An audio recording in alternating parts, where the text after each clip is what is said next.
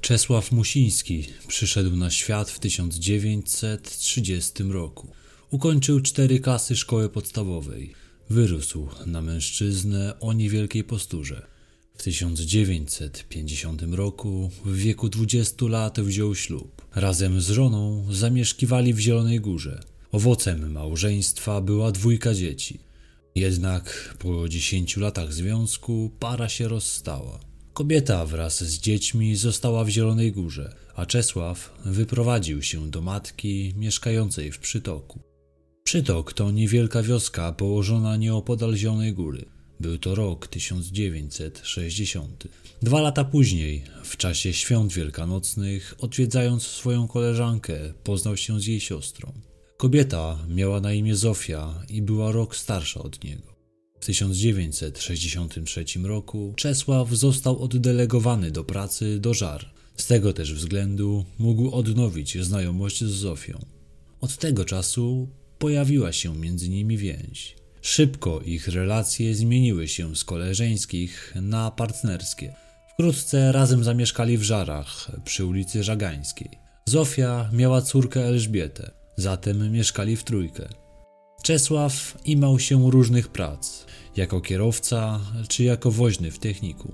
Zofia pracowała natomiast jako kucharka na szkolnej stołówce. Wkrótce kobieta zaszła w ciążę, urodziła syna, Andrzeja. Mężczyzna miał pretensje do swojej partnerki, że nie opiekuje się należycie ich wspólnym dzieckiem i faworyzuje starszą Elę. Niedługo potem ojciec dziecka trafił do więzienia za kradzież. Czasie jego pobytu za kratami mały Andrzejek zmarł. Czesław nie krył żalu względem Zofii. Uważał, że to przez nią dziecko zmarło. Dochodziło między nimi na tym tle do konfliktów. Kobieta miała dość, ale wiedziała, że ciężko będzie jej samej z córką znaleźć nowe mieszkanie. Zatem została z partnerem, który często był ciężki do zniesienia. W 1967 roku przyszedł na świat kolejny syn Zofii i Czesława. Na imię dali mu Ryszard. W 1968 roku przenieśli się do domu przy ulicy Konopnickiej. Mężczyzna z pewnością nie był idealnym partnerem. Był chorobliwie zazdrosny o Zofię. Sam przy tym nie był okazem wierności. Często też zaglądał do kieliszka, a po wypiciu stawał się agresywny. Wśród sąsiadów też ma opinię człowieka o porywczym charakterze. Zofia zwierzała się koleżankom z pracy, że boi się swojego partnera. Nigdy nie było wiadomo, co uderzy mu do głowy po pijaku.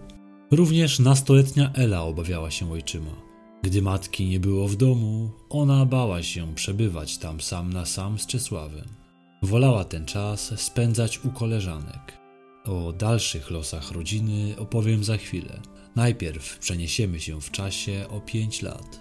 Był sierpień 1972 roku. Wanda P. mieszka w Katowicach. Jest ona siostrą Zofii, która mieszka w Żarach i jest partnerką Czesława. Kobiety rzadko się odwiedzają ze względu na odległość, jaka je dzieli. Było to ponad 350 km.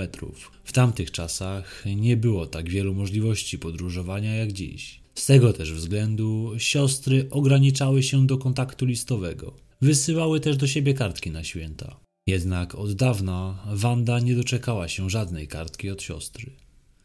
Ostatni kontakt miała z nią już ponad trzy lata temu. To bardzo zaniepokoiło kobietę. W tamtych czasach ciężko było o telefon. Być może krótka rozmowa telefoniczna uspokoiłaby ją. Niestety, by sprawdzić, co się dzieje z siostrą, musi udać się w podróż przez pół Polski. Tak też robi. Wybiera się do Żar, gdzie mieszka Zofia i Czesław wraz z dziećmi. Córka Elżbieta powinna być już prawie dorosłą nastolatką, natomiast syn Ryszard powinien mieć 5 lat. W listach do siostry Zofia skarżyła się, że Czesław jest względem niej agresywny. Nierzadko podnosi na nią rękę. Najgorzej jest, gdy się napije, a niestety pije często. 18 sierpnia Wanda dociera do Żar. Gdy staje pod drzwiami mieszkania siostry przy ulicy Konopnickiej, nikt jej nie otwiera. To zaniepokoiło ją jeszcze bardziej. Siostra nie wspominała jej, by miała się wyprowadzać. Postanowiła zatem udać się do administracji domów mieszkalnych, by dowiedzieć się, czy Zofia z rodziną nadal są zameldowani w tym mieszkaniu. Okazuje się, że owszem, są. Kobieta postanowiła zatem, że jeszcze raz spróbuje udać się do mieszkania przy ulicy Konopnickiej. Może wcześniej rodzina gdzieś wyszła. Tym razem się udaje. Pukanie do drzwi przynosi efekt. W progu staje Czesław. Ten oznajmił Wandzie, że nie widział Zofii już od trzech lat. Po jednej z kłótni w roku 1969 kobieta miała wyjść w nocy ukradkiem z domu wraz z dziećmi i do tej pory się nie pojawiła. Po prostu Czesław wstał rano i okazało się, że jest sam w domu. Nie ma pojęcia, dokąd kobieta mogła się udać. Nie wyglądał jednak na przesadnie przejętego. Nigdy nie zgłosił zaginięcia kobiety, która z nim mieszkała. Zupełnie jakby pogodził się z tym, że nigdy nie zobaczy Zofii oraz dzieci, w tym własnego syna. Wanda, mając w świadomości to, co napisała o swoim konkubencie jej siostra, nie wierzyła w jego słowa. Nabrała podejrzeń, że mężczyzna może mieć coś wspólnego z zaginięciem jej bliskich. 24 sierpnia kobieta postanowiła udać się do prokuratury, by powiadomić ją o swoich obawach. Jej zdaniem Czesław mógł zabić jej siostrę, a także dzieci. Czy prawda mogła być aż tak makabryczna? Nie co dzień otrzymuje się zgłoszenie o możliwym popełnieniu potrójnego morderstwa. Milicja nie mogła zignorować takiego donosu. Z tego też względu wszczęte zostało śledztwo mające na celu rozwikłanie zagadki tajemniczego zaginięcia młodej kobiety wraz z dwójką dzieci. W ten sposób udało dotrzeć się do informacji, że to nie jedyne tego typu zaginięcie powiązane z Czesławem. Po odejściu partnerki mężczyzna związał się z inną kobietą. Była nią 35-letnia Stanisława. Wraz ze swoim synem zamieszkała u Czesława. Oboje nagle zniknęli w równie tajemniczych okolicznościach. W związku z tymi ustaleniami należało przesłuchać mężczyznę. Czy to możliwe, że ten człowiek stoi za zaginięciem, a prawdopodobnie także za śmiercią pięciu osób? 28 sierpnia doszło do przesłuchania. W trakcie jego trwania opowiedział tę samą historię, którą przekazał Wandzie. Tę wersję opowiadał także sąsiadom, i znajomym, którzy zainteresowali się zniknięciem Zofii. Powiedział, że od dłuższego czasu podejrzewał, że partnerka go zdradzała z jakimś mężczyzną z Zielonej Góry. To najprawdopodobniej do niego wyjechała po jednej z kłótni. Miał już jej powoli dość, zatem nie przejął się za bardzo jej odejściem. Po jakimś czasie poznał Stanisławę. Z nią początkowo układało się dobrze. Razem z synem zamieszkali u niego. Jednak po jakimś czasie na jaw wyszło, że kobieta zdradzała go. Też nagle wyjechała, nie mówiąc mu ani słowa. No cóż, chłop chyba nie ma szczęścia do kobiet. Chyba, że po prostu kłamie jak z nut. Ten drugi wariant wydawał się śledczym znacznie bardziej prawdopodobny. Prokurator, mając poważne wątpliwości co do zeznań, jakie złożył Czesław, zdecydował się na zastosowanie środka zapobiegawczego w postaci trzech miesięcy aresztu. W tym czasie można było przeprowadzić przeszukanie mieszkania mężczyzny. Zdesperowany mężczyzna zdawał sobie sprawę, że milicjanci natrafią w domu na mnóstwo śladów. Mimo iż od zaginięcia Zofii z dziećmi minęły trzy lata, to mężczyzna nie pozbył się śladów tego, co tak naprawdę z nimi zrobił. 31 sierpnia, świadom tego, że nie uda mu już się uniknąć odpowiedzialności za swoje czyny, poprosił prokuratora o rozmowę. W jej trakcie mężczyzna opowiedział w szczegółach o tym, co wydarzyło się w jego domu. 1 kwietnia 1969 roku doszło do jednej z wielu kłótni między nim a Zofią. On był pijany. Kobieta, która była już sfrustrowana zachowaniem Czesława, wybuchła. Wykrzyczała, że jest zwykłym pijakiem. Uderzyła go szczotką.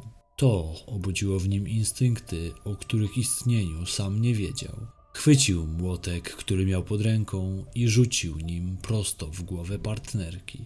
Ta upadła na ziemię. Leżała w progu między kuchnią a pokojem. Próbowała wstać, jednak Czesław nie miał zamiaru jej na to pozwolić. Podszedł do niej, podniósł młotek i uderzył nim Zofię kilkukrotnie, używając przy tym dużej siły. Te ciosy były tak potężne, że pozbawiły ją życia.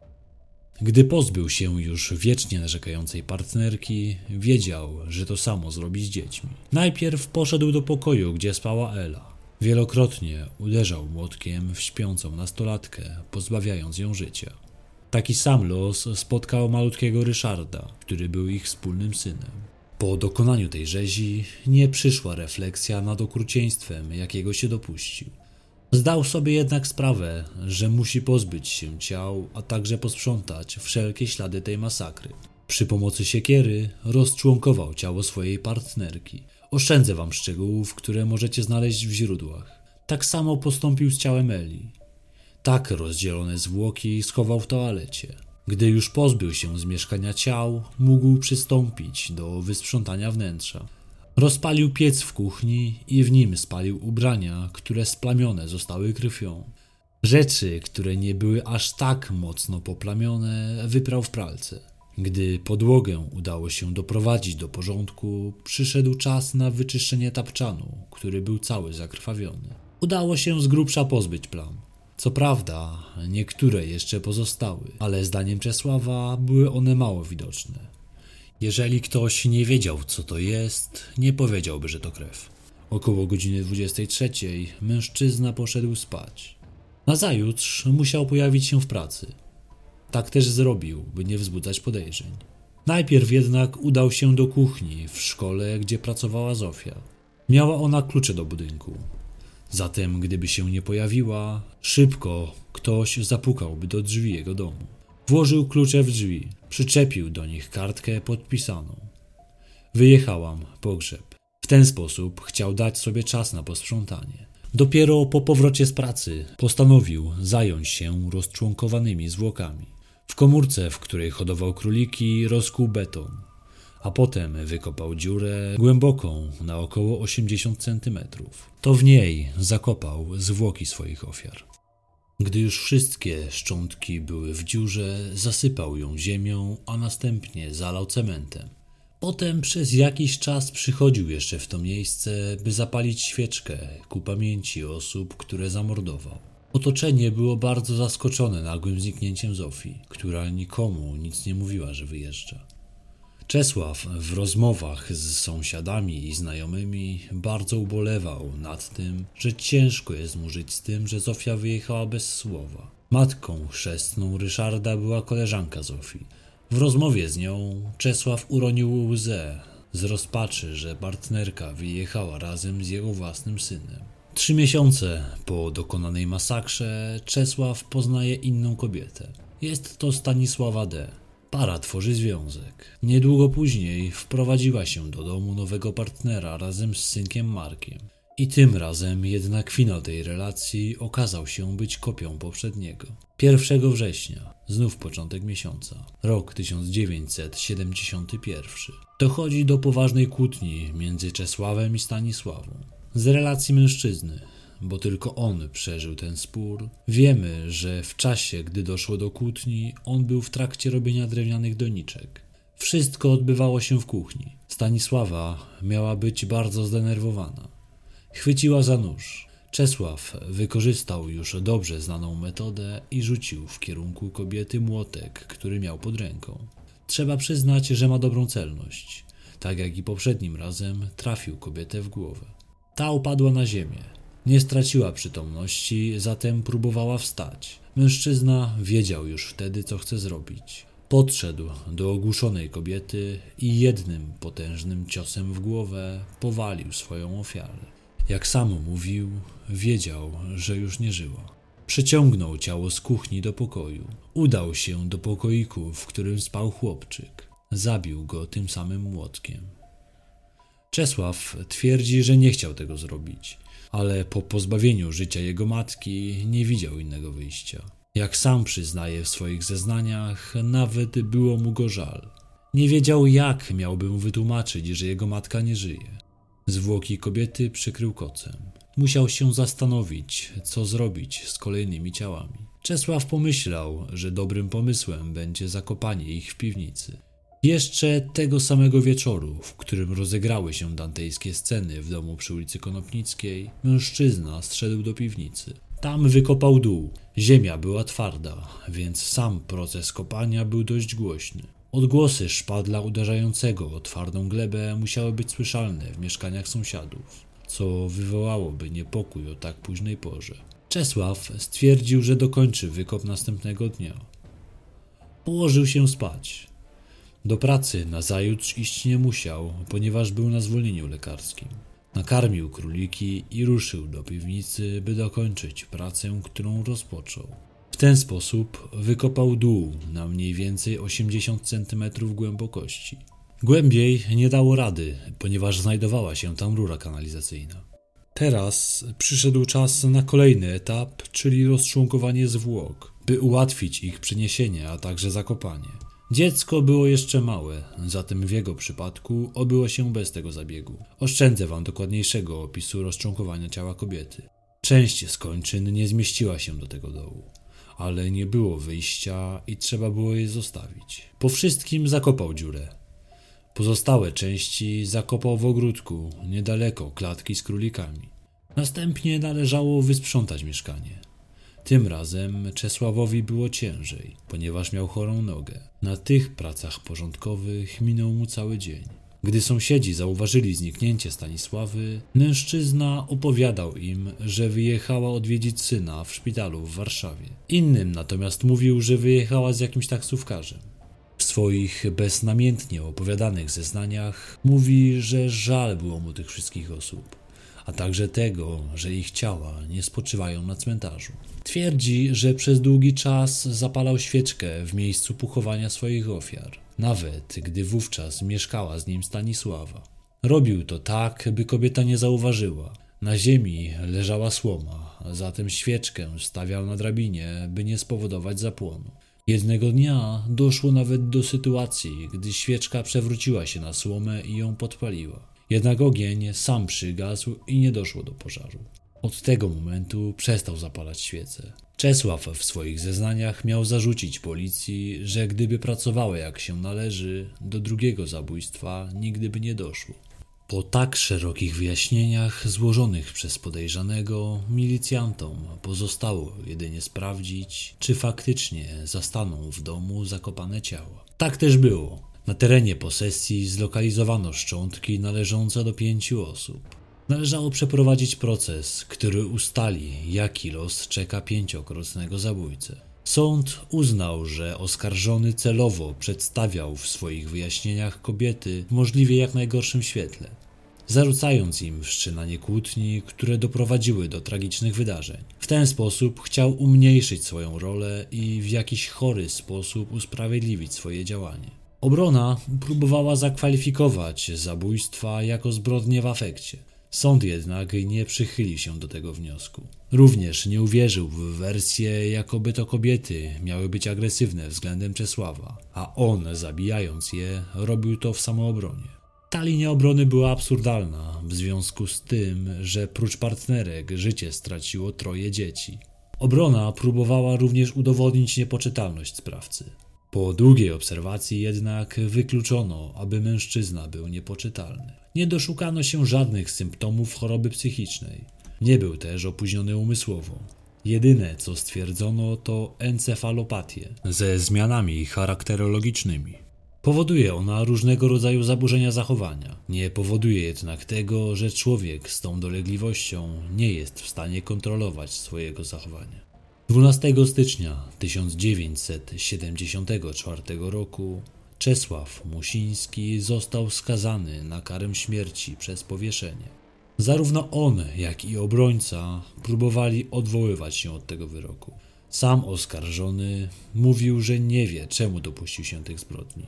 Uważa siebie za osobę, która od zawsze była łagodna, a zwłaszcza wobec dzieci. Inną wersję jego osoby podają sąsiedzi i znajomi. Jedna z koleżanek Eli mówiła, że z rozmów z nią mogła uznać, że dochodziło do molestowania Elżbiety przez ojczyma. Czesław w liście błagalnym wspomniał o ciężkich przeżyciach, jakich był świadkiem, o obrażeniach, jakich doznał w życiu, w tym raz, gdy został brutalnie pobity przez Niemca, gdy w czasie okupacji kopał rowy. Wspomniał też o przedmiotowym traktowaniu go przez śledczych w trakcie przesłuchiwania, gdy nikt z przesłuchujących nie był obiektywny. Najwyższy sąd nie uwierzył w wersję przedstawioną przez Czesława, a tym bardziej nie uwierzył w jego skruchę. Wyrok został utrzymany. Nie skorzystano także z prawa łaski. Egzekucja odbyła się 30 września 1974 roku o godzinie 18.15. Milicjanci pracujący przy sprawie nazwali Czesława krwawym Czesiem.